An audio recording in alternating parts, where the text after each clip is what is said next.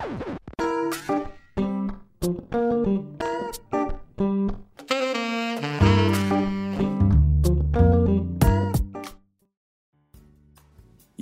kembali lagi dengan Sekte Bola. Kali ini ada yang beda ya dari kita. Uh, kita kali ini akan mengadakan kolaps dengan salah satu teman kita.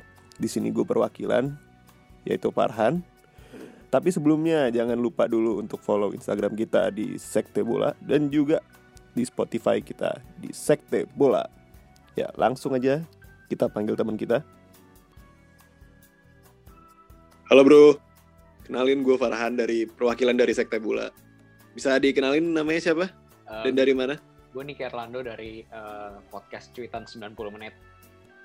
Oke, ini kita ada teman kita dari Cuitan 90 Menit di podcastnya. Jangan lupa juga dengerin. Uh, terus, sekarang kita mau bahas apa nih? Uh, mungkin ada pembahasan apa kali ini? Yang masih anget-anget aja nih, uh, review pertandingan IPL uh, Match Week 30 nih, yang kemarin. Sabtu sama Minggu. Oke, Premier League ya. Yep. Uh, sebelumnya, gue sendiri itu dari pendukung Real Madrid. Uh, tapi gue ngikutin juga IPL. Oke. Gue mantau juga. Untuk lu, kalau boleh tahu dari mana ya? Fans Ya. apa juga? Gue gue fans gue fans MU dan emang lumayan ngikutin IPL sih dibandingkan liga-liga ya. Oh, Ya. MU ya. Oke oke. Dari dari kita juga ada MU sih. Oke. Nah, oke. Lu mau bahas MU dulu? Kemarin Uh, menang tuh. Mungkin Comeback kayaknya ya. Iya, iya, Apa mau yang lain dulu? kayak lebih MU jujur eh, ini sekilas eh, dikit aja menurut gue matchnya boring dan nggak begitu seru menangnya juga gue consider agak lucky sedikit tapi gue coba eh, lebih enaknya mungkin kita lebih bahas ke Chelsea dulu yang punya poin lebih banyak yang untuk dibahas gitu dan lebih seru Oke gitu. oke. Oke. Kemarin uh, matchnya Chelsea sama West Bromwich itu bikin kaget ya semuanya ya. Iya, Bener-bener jelas banget kuda hitam itu. Nah. Nah. Kok bisa sih kayak setahu yang yang yang sepengetahuan gue ya Thomas Thomas Tuchel itu uh, punya rekor sebagai pelatih Chelsea itu sebagai best defensive coach. Dan terbukti kemarin ap- maksudnya selama sebelum match yang lawan West Bromwich ini yang West Bromwich Albion ngegolin sampai 5 gol itu sebelum-sebelum itu sangat susah buat njebolin Chelsea. Kok sampai 5 gol gini loh? Iya, eh, gimana menurut lu? Eh, sebelumnya kan Tuchel ini kan masih sebelum dikalahkan eh, WBA kan masih megang rekor unbeatable kan dengan defense yang cukup bagus. Dan kalau lu tadi bilang defense eh, dengan coaching defense yang cukup bagus, gue setuju bahwasannya eh, tim ini kan jarang kebobolan, tetapi problemnya Hmm. susah untuk mencetak gol. Dan kemarin kalau kita Hmm, iya iya, betul. ya kalau kita recap eh, lawan WBA kenapa bisa kebobolan 5 gol, eh, ini faktor terbesarnya ada dua, yaitu adanya kartu merahnya Thiago Silva kan, jadi yang membuat Chelsea Iya. main dengan 10 orang. Itu tulang belakangnya uh, Iya, itu defensive line Chelsea ya. Eh, Ah. Tetapi nggak salah juga ketika kan setelah Thiago Silva merah dimasukkan Anders Christensen kan, dan itu nggak masalah juga Iya. karena sebelumnya Thiago Silva cedera yang main pun eh, Christensen, Zuma, Christensen. Rudiger, ya bisa di free roll dan nggak masalah gitu loh.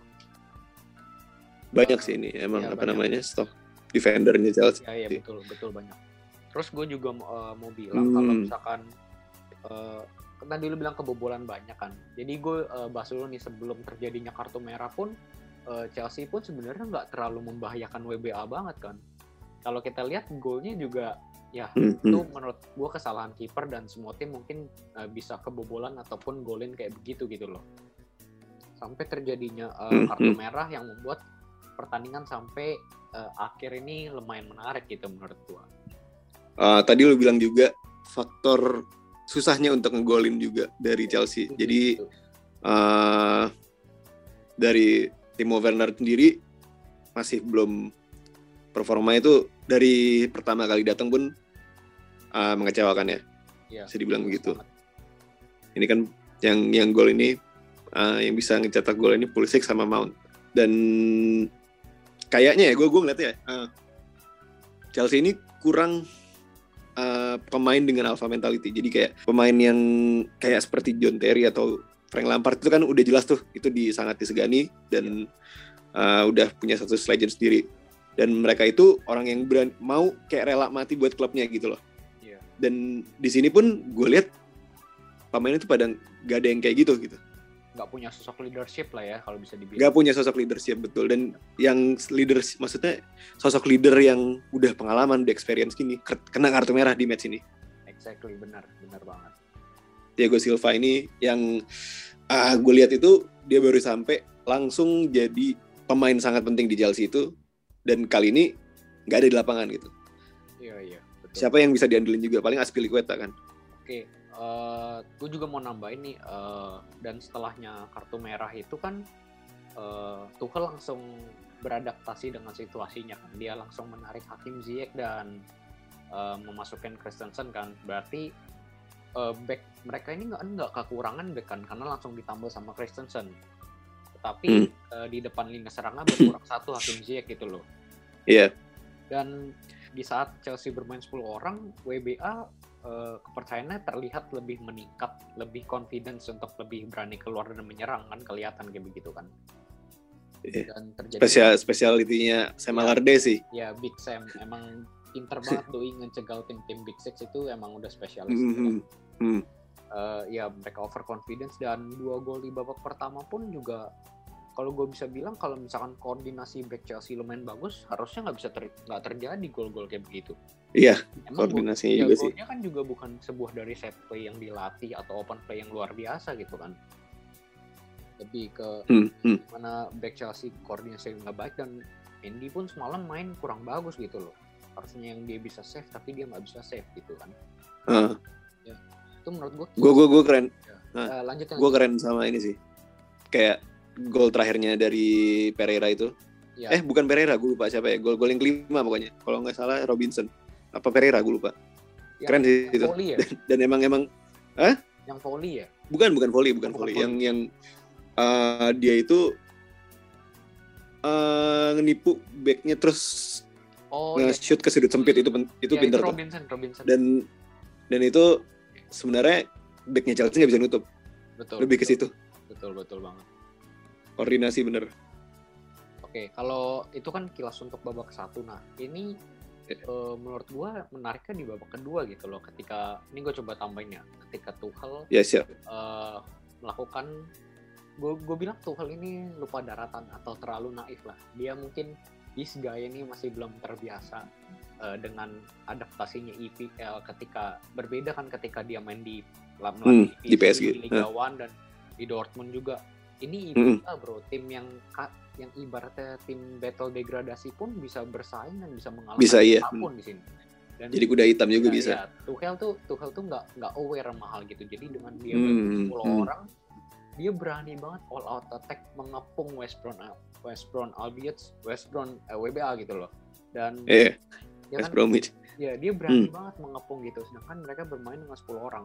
Dan kalau kita lihat pas Chelsea menyerang, dia cuma ninggalin praktis 2 3 2 3 pemain di belakang bola dan nggak ada Kante loh yang cover kan. Jadi hmm, Kante gak main ya Iya, ini banget. Jorginho sama Kovac Iya, jadi lu defisit satu gol dan lu punya waktu banyak, tetapi dari menit kedua lu langsung ngegas all out attack. Dan di situlah momen yang emang benar-benar ditunggu sama pasukan Big Sam. Lu bisa main counter, lu bisa Hmm. main fast break gitu loh. Dan Chelsea pun kemakan di situ.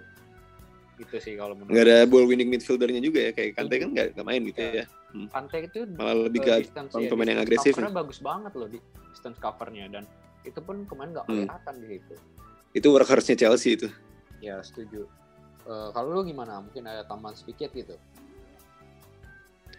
gua uh, gua nggak di- nggak ngeliat ini ya kayak formasinya itu kan dia itu main dengan tiga back tengah dan wingback gua nggak percaya dengan Rhys James buat jadi wingback sebenarnya. Dia lebih ke mundur dan nggak tahu ya ini mungkin uh, efek karena Thiago Silva yang nggak ada juga. Tapi mungkin pemasangan back dan lini teng ter- bener percaya sama lini tengah yang lebih ke ofensif bukannya ada kantenya. Gue lupa kante ke mana ya? Eh gue juga nggak tahu di apa absen kah? Apa emang kan nggak dipasang? Soalnya di di substitusi nggak ada nggak ada nggak ada iya jadi cuma ada Gilmore sama untuk yang ini ya midfielder ya Gilmore sama Mount bisa jadi emang gue lihat dua-duanya juga buat itu Porto buat menyerang ya Iya. oh iya benar ya sih bisa jadi gitu loh. Untuk leg pertama itu di kandang tahu nggak di kandang Porto ya? Apa di kandang Chelsea itu? Di Porto dulu sih nggak sih kalau nggak salah. Hmm. Ya mungkin.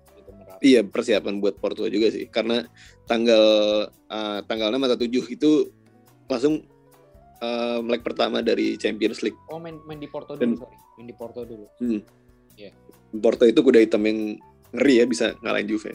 Ya mungkin menurut gue ini kekalahan yang emang eh, mengejutkan dari seorang eh, eh, fans Chelsea khususnya. Tapi menurut gue yang bukan non fans Chelsea pun gue nggak melihat hal ini pun sebagai kejutan karena kalau kita track back permainan Chelsea dari kemarin-kemarin pun eh, walaupun menang tapi menangnya nggak convincing menurut gue bermainnya Hmm. nggak kill the game nggak benar-benar bermain sebagai suatu tim yang compact dan benar-benar bisa menghantam Hmm. dua tim jadi consider bisa menang Masih lagi. adaptasi ya? Iya, iya, setuju banget.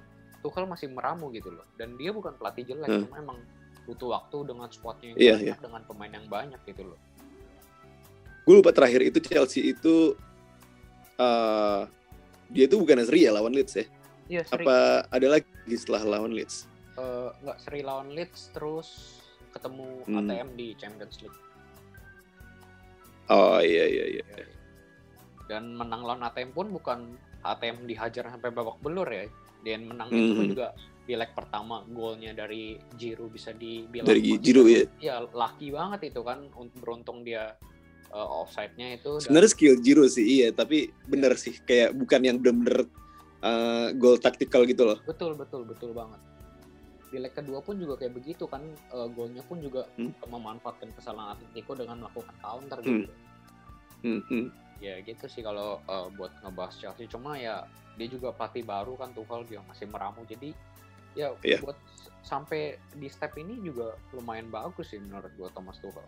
Apalagi menang player play- uh, manager of the month kan kemarin.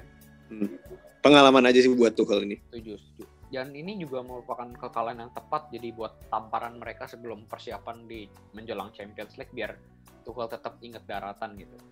Kalau menurut Hmm. gua. Welcome to EPL.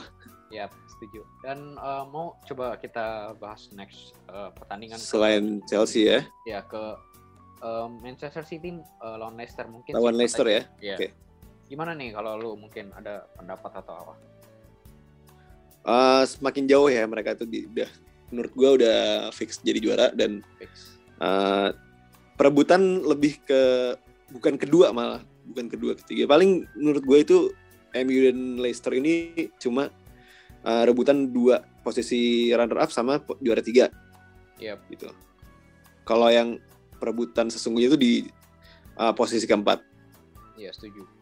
Itu lumayan rame. Itu bakal di nanti kita lihat lebih lanjut.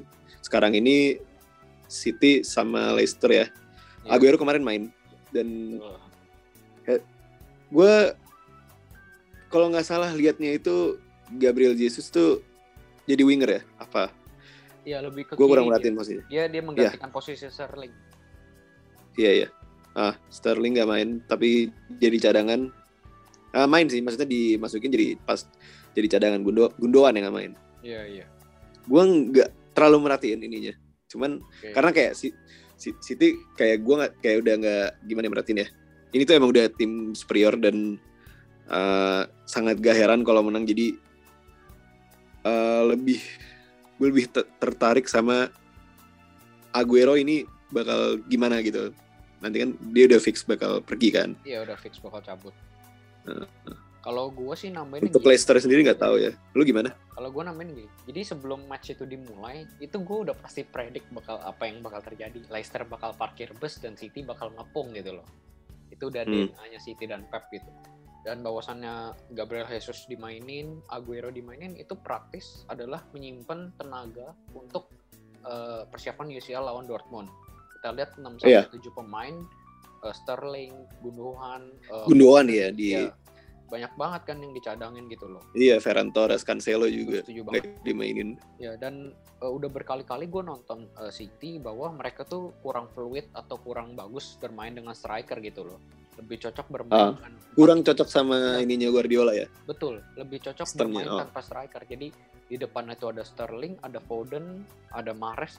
Mereka tuh lebih bisa free roll, bisa free roll, bisa di kiri, bisa di kanan. tuker-tukeran ya setuju Tapi untuk strikernya itu maksudnya untuk yang uh, entah false nine atau uh, jadi shadow strikernya itu lebih ke siapa itu? Eh, nah itu cocoknya adalah ke- terlihat bahwa sebelum eh, Aguero Gapsus main Gundogan sering banget cetak gol jadi Hmm. eh, Sterling Itu top scorer City ya, Gundogan ya. eh, mungkin ya kalau nggak salah gue juga. Jadi Sterling, Foden, Mahrez itu bisa jadi decoy, bisa buka ruang. Nah, Hmm. Gundogan bisa masuk. Ketika Aguero main itu nggak bisa karena semua passing De Bruyne, semua passing Bernardo Silva itu lebih ke target man, lebih fokus ke Aguero Ah, kasarnya gitu. Ke Aguero ya. Ya, jadi bermainnya terlalu rigid, terlalu kaku gitu. Ah, Uh, banget. jadi nggak free ya, nggak kayak free roll yang macam dia itu masang ini ya tiga depan dan yes, false nine. yes. Ya, setuju banget gue itu.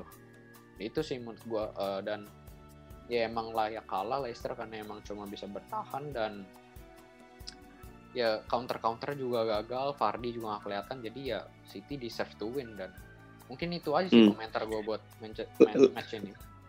Leicester ini nggak masang Soyuncu. Soyuncu ke mana ya? Soyuncu tuh bagus dan sama Fofana itu Soyuncu, tandemannya. eh, gue nggak tahu, gue kemarin nonton dia main di Turki mungkin cedera atau belum fit atau Oh. apa, gue nggak tahu. Iya iya iya iya. Aja Untuk untuk soalnya soalnya gue lihat starting line up ini rada ya rada ini sih, rada aneh juga. Uh, Soyuncu nggak ada Fofana, Fofana cuman sama Evans sama Amarty yang Amarty ini sebenarnya defensive midfield. Yap. Dan Ayoze Perez jadi di tengah. sebenarnya main 3-4-3 udah bener sih karena emang buat compact defense dan main low block sih ya Hmm. buat eh, ngelawan City gitu loh ya mungkin mereka iya. nggak bisa menga- menga- Wajar lah ya kalah ya. Nggak bisa mem- memanfaatkan counter yang ada gitu loh jadi Ah. kalau lawan City lo lawan tim-tim besar sepers sepersekian peluang counter tuh harus lo manfaatkan gitu Ah. itu nggak dilakuin ke mana sama pasukan Brendan Rodgers Ya. Oke. eh, City sampai sini dulu. ya ya ya Eh, Selanjutnya ada siapa ini? Arsenal Liverpool nih yang kalah. Arsenal kah? Yes. Arsenal kalah. Eh, gimana lo? Lu dulu deh. Eh, nambahin nambahin pendapat lu gimana match ini? Hmm, kemarin itu gue udah lupa dengan gamenya kemarin. Uh, Iya. gue ngelihat Jota itu lebih efektif dibanding Firmino. Setuju banget setuju. Firmino udah ngelewatin masa-masa terbaiknya di musim dua. Menurut gue terakhir dia benar-benar uh, sangat bagus ya. Itu di 2017, 2018. Setuju. Dan ini bukannya gue bukannya subjektif sih, cuman eh menurut gue Firmino itu City Benzema, Benzema KW. Dan kalau misalnya untuk di apa ya di swap dengan posisi strikernya itu dengan Jota lebih cocok Liverpool. Setuju. Dan Firmino itu menurut gua bukan sebagai goal getter yang ujung tombak. Iya. Dia Heeh. lebih ke decoy nggak sih? Lebih nge-regain ball jadi memancing musuh. Iya lebih keluar. jemput. Iya, Nah, setuju, setuju banget. karena posisinya Firmino itu aslinya itu yang dari di, di Hoffenheim itu bukan ujung tombak, Iya, iya, Cuman- iya, setuju banget. lebih ke belakang striker murninya. Dan Jota pun juga gitu gue lihatnya. Dia tuh di Wolves tuh kalau nggak salah bukan di strikernya cuman di wing ya. Iya, lebih ke kiri dia. Nah, di iya di apa namanya di sa- sayap kiri. Dan Betul. ini karena ada mana mana yang masalah jadinya mereka yang jadi dua itu. Iya, iya. Dua ujung tombaknya. Mm. Oke, eh, Gue nggak ada komen apa-apa di Arsenal sih. kalau gue gue juga kaget awal-awal lihat Arsenal main 4-3-3, cuma 4-3-3 ini 4-3-3 banci ya. Ujung-ujungnya di lapangan juga mainnya 3-4. Gimana tuh? Jadi gue pikir Ah, 4-3-3 berat. Chambersnya yang jadi ini ya. Iya, Chambers di bek kanan. Chambers jadi back tengah ya? Eh bek kanan. Apa iya kalau di di ini kan back kanan kan? Iya. Cuman yang lo bilang 3-4-3 itu siapa yang mundur itu? Gue nggak perhatiin. eh, praktis eh, tiga empat tiga itu jadi kayak tiga itu benar-benar di tengah dan di tengah itu wingbacknya itu turun juga jadi praktis kayak main lima loh main lima di belakang Hmm. Saka nggak main. Eh, iya Saka nggak main Emily Smith Rowe nggak main karena cedera kan gitu loh dan kalau Iya. kita ya gue lihat ini Arsenal benar-benar nggak ngelawan sama sekali loh selama 90 menit Nggak lawan. Iya, dan counter counternya pun juga nggak kelihatan, nggak nggak efektif semua juga eh, dapat bola hilang, nggak bisa Hmm. passing gitu loh. Dan kalau misalkan gue lihat di babak ke satu eh, Liverpool juga sama Arsenal menurut gue boring, nggak begitu ada big chance ataupun Ya nggak ada gol juga. Nah, peluang. lebih ke babak kedua. Iya ya babak kedua. Nah babak kedua ini menarik nih. Mungkin lu ada tambahan sedikit nggak gimana? Mungkin golnya atau apa gitu? Gue lebih nggak kaget sih kayak Jota tuh pendek setahu gue dan dia bisa heading gol gitu dari crossingnya Arnold. Itu Masa nggak ada yang bisa ini sih Arnold uh, backnya Arnold. Iya iya. Apanya? Arnold, Arnold. itu iya jenius banget, hebat banget ya. Ya. Gue gue cuma bingung untuk Liverpool itu nggak ada nggak ada backup untuk Arnold. Iya iya. Ada tapi pemain dari Youth Academy. Iya iya. Dan nggak mampu kayak- juga main di sana Liverpool. Bahkan kalau misalnya Robertson pun masih ada Simika sama bahkan Miller juga bisa kan di back. Dan kalau misalnya Arnold Alexander Arnold ini kenapa-kenapa, bek kanannya itu uh, yang belum tahu siapa, kemungkinan bisa Fabinho. Cuman kalau Fabinho ke bek kanan untuk tengahnya pasti kemakan banget. Pasti jadi korban Hmm, midfieldnya. Nggak ada nggak ada angkormen lain. setuju banget setuju banget. Karena skuadnya juga nggak terlalu apa di benchnya pun juga ya lo bisa pakai siapa gitu loh. Beda dengan City kan Iya. punya pemain. Ini pentingnya squad depth sama City. Pentingnya squad depth Uh, nggak kayak City, eh, maksudnya City itu sangat-sangat lengkap. Lu satu cedera banget. masih ada lagi pemain. Parah. Ya. Bahkan pemain pemain apa ya? Bukan bukan B. Ya sub pemain substitusinya, pemain reserve-nya itu kalau misalnya dijadiin starting lineup juga gitu. Menurut gue bisa tembus Europa League atau bahkan Champions League. Iya iya setuju. Pemain ininya City ya apa? Uh, pemain lapis keduanya. City B-nya itu ibaratnya udah bisa bersaing dengan tim-tim yang lain. Iya. Karena emang Iya, bagus iya. banget. Pasti tembus Eropa kok. Makanya. misalnya ini karena squad depth-nya tuh penuh dan semuanya tuh ini iya benar-benar Iya, iya. Hmm. Mungkin kalau gue bisa gimana tambah menurut lo eh, kalau yang di babak kedua ya eh, Liverpool tuh melihat kemarin tuh udah balik ke, ke performa dia jago-jagonya gitu loh. Kalau kita lihat eh, poin yang plusnya benar-benar plusnya itu adalah eh, balik performanya Alexander Arnold. Ketika kita lihat eh, di di paruh musim kemarin kan dia benar-benar underperform kan karena habis sembuh cedera dan nggak dipanggil juga Mas Southgate di timnas Inggris. Jadi yes yes, lebih memberikan tamparan lah ke ini pemain gitu dan yes. somehow dia bounce back cepet dan terbukti dari Hmm. kemarin menunjukkan kualitas yang benar-benar menurut gue back kanan terbaik di Premier League gitu loh. Yang sekarang gue lihat ya gitu loh. Dari crossing crossingnya dari gimana dia bisa ngatur Harus gue beli sih. Ah, ya, gua iya eh, gua kalau Nah, misalnya untuk apa? bek kanan itu masih di antara Alexander Arnold sama Cancelo.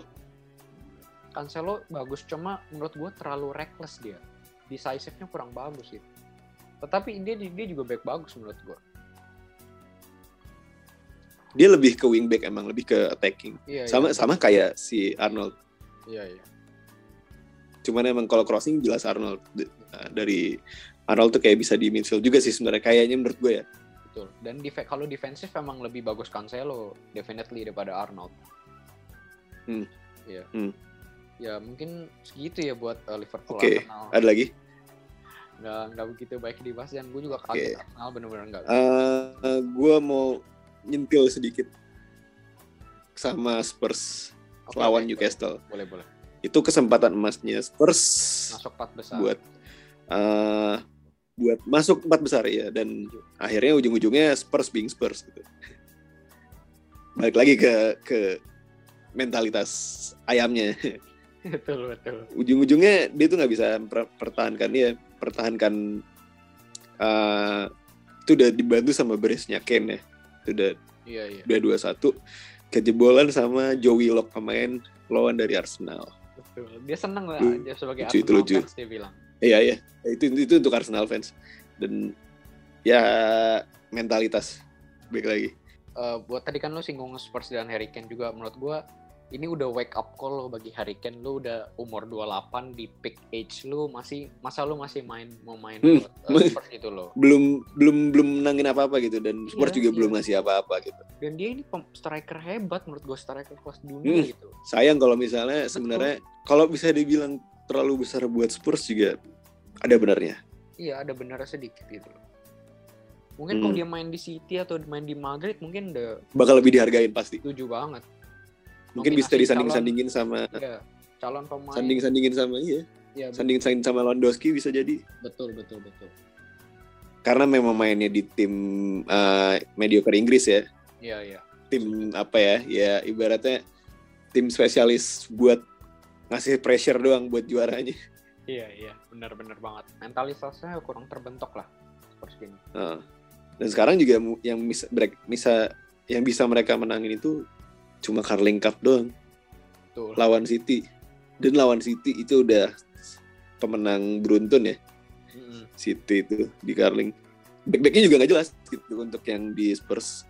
eh, apa ya nggak nggak ada back yang benar-benar kualitas gitu. Ini Davinson Sanchez sudah udah habis lah ya di di di dibunuh lah sama Gundogan kemarin. Iya, Kalau iya. misalnya inget ingat yang gol dari Yang lawan City. itu kan? Iya, yang dari Hah? jauh itu. Iya iya yang yang di di umpan jauh Gundogan ini dia jatuh. Itu udah kayak Boateng yang ketemu Messi. Iya iya. Udah eh, permasalahan back sama mentalitas dan kemarin juga itu salah keluar dari Europa League itu benar-benar salah pemain gue. Ya, itu kena comeback. Karena- expect banget sih. terlalu defensif. Betul. Hmm. Setuju gua. Aneh lah menurut gue. Mungkin Oke. anak buah Mourinho udah ada di situ aja. Selanjutnya ada siapa sih? Eh mungkin buat MU ya? Iya gitu. Mungkin kalau so, so- eh, singgung soal MU dikit ya karena gue fans MU. Jujur nih, Silakan silakan. Silakan silakan. ini match yang bener-bener pengen gue cepet lupain ya. Karena gue males gitu ngeliat MU main tuh kayak begini. Di babak satu jujur eh, MU Tap- Iya, walaupun menang ya. Iya iya. Eh maksudnya eh, sedikit aja ya gitu ya. Karena kan eh, Silakan itu silakan. Eh, di babak satu nggak pegang bola iya tapi nggak bisa create chances terlalu banyak, nggak bisa terlalu benar-benar membahayakan Hmm. gitu loh. Sedangkan mereka telat panas dan kebobolan lebih cepat. Dan di babak kedua pun Ole menurut gua nggak begitu merubah strategi, jadi lebih memanfaatkan fighting spirit squadnya emang benar-benar eh, lebih mengharapkan mentalitas lah untuk comeback ke Iya, iya. gitu loh. Dan golnya Rashford ya gol klasik Kurang ya. memua- kurang inilah ya, kurang memuaskan lah ya bagi lo ya, bagi fans Kon- MU ya. menang, menangnya tuh nggak convincing kayak menang nggak sekelas MU lah gitu masa lu menang dengan kayak begitu gitu kan Iya iya iya. ya iya menurut gua Brighton lagi kan. setuju menurut gue ya eh, kayak begitu sih dan tiap tiap minggu pun permainan MU tetap nggak begitu banyak progresnya dan ya tetap stuck stuck di situ aja that's why dia nggak bisa menjadi juara nggak bisa bersaing dengan City gitu loh dengan squad yang mereka miliki mungkin menurut gue di situ di situ aja sih Ah, iya, iya. Tapi gimana peluang? ah, gimana peluang buat ah, Europa League menurut tuh? Europa League MU. definitely buat Europa Gra- buat Granada, gue obviously 100% optimis. Tetapi gue bener-bener pesimis ketika Hmm. nanti MU harus berhadapan dengan seorang Ajax di mana suatu tim Belanda yang Kalau kalau Ajax tembus. banget. ya, gue yakin Roma Ajax gimana? Kalau Iya Roma, sih. Roma gue yakin definitely bisa menang. Cuma kalau Ajax, jujur gue lebih unggulkan Ajax. Itu Iya, yang gue sama. takutin sih. Itu juga ngunggul- ngunggulinnya Ajax bener. Iya. Dan terakhir ketemu eh enggak ya. Pokoknya Ajax ini juga lagi seram juga. Iya dan regenerasinya bagus, tactical, siapa pun Hmm. yang main nggak masalah gitu loh kan. Iya. Mau timnya dipretelin kayak apa juga tetap pemain mudanya jalan, sistemnya jalan, Hmm, bermain bagus-bagus aja gitu. Regina pinter. Emang Iya. emang udah dalam darah daging itu Ajax. Iya setuju setuju. Cukup kali ya untuk IPL match day 30 ini. Iya cukup main seru sih eh, banyak pertandingan. Gimana, Bro? Kan banyak banyak juga pertandingan yang yang udah sesuai dengan ekspektasi gue. Gue juga udah rasa cukup ya udah banyak cuap-cuap juga nih. Iya. Lumayan Oke deh kalau gitu. Thank you bro atas waktunya. Oke ya, gue juga dari Dan eh, cerita 90 menit terima Jangan kapok-kapok juga buat kolaps lagi. Ya, terima kasih banget nih Iya. udah respon dan bisa kita Hormatan bisa- juga buat sekte bola. Iya. Oke deh kalau gitu. Oke, eh, thank you ya ya buat ya yang udah dengerin. Yuk. Terima kasih. Yuk. Thank you, thank you. Oke, sebelum gue tutup, jangan lupa follow dulu Instagram kita di Sekte Bola dan juga di Spotify kita di Sekte Bola. Oke, see you next time bro. Sampai ketemu lagi di Sekte Bola.